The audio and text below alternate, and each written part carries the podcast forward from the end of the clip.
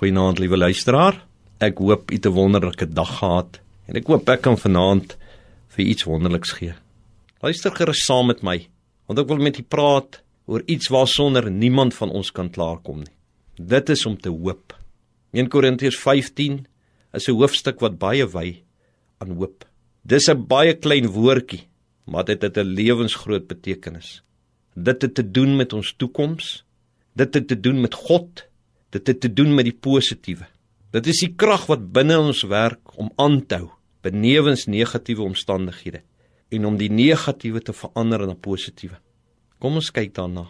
Hoop het eerstens te doen met die toekoms. Hoopvolle mense kyk altyd vorentoe en neem God ernstig op as in sy woord sê dat hy 'n hoopvolle toekoms vir sy kinders het. God ken die toekoms. Hy sien vooruit. Neem maar vir Josef. Hy het vooruit gesien dat daar hongersnood kom en daarom het hy Josef gestuur na Egipte. God weet of die toekoms goed gaan wees. Hy sal nie verniet sê daar's 'n hoopvolle toekoms as hy dit nie weet nie. Maar weet jy wat? Hy sien nie net die toekoms nie. Hy hou ook die toekoms. Openbaring praat mooi daarvan en sê vir ons toe Jesus die seels oopmaak, het dinge begin gebeur.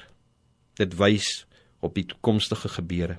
Tweedens, het hoop te doen met God. Niemand van ons het God nog gesien nie. Hy is Gees. Mense het wel vir Jesus gesien. Maar al het ons hom nie gesien nie, het ons die verwagting dat ons hom tog gaan sien. Dit is presies wat hoop is, 'n verwagting dat ons die Here gaan sien, maar meer nog, hoop is 'n bevestiging vir ons dat God bestaan.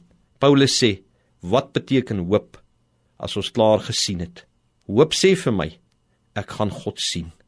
Al het ek hom nou nie gesien nie. Derdens het hoop te doen met die positiewe. Hoopvolle mense is positiewe mense. Die hoop binne in hulle maak hulle so. Om dit beter te verstaan, kan ons 'n vergelyking tref van hoe hoopvolle mense dink en hoe hopelose mense dink. Hopelose mense sê ons het geen hoop vir ons regering nie, hulle is te sleg.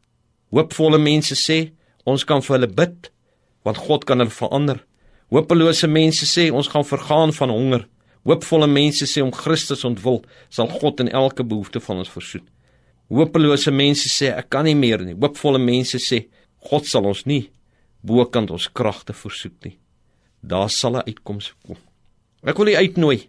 Gee jou lewe vir die Here. En jy kan nie net en jy hoef nie net 'n hoopvolle mens te wees nie. Jy kan 'n mens wees met goddelike hoop. Want God het beloof dat elkeen wat sy kinders is, het goddelike hoop.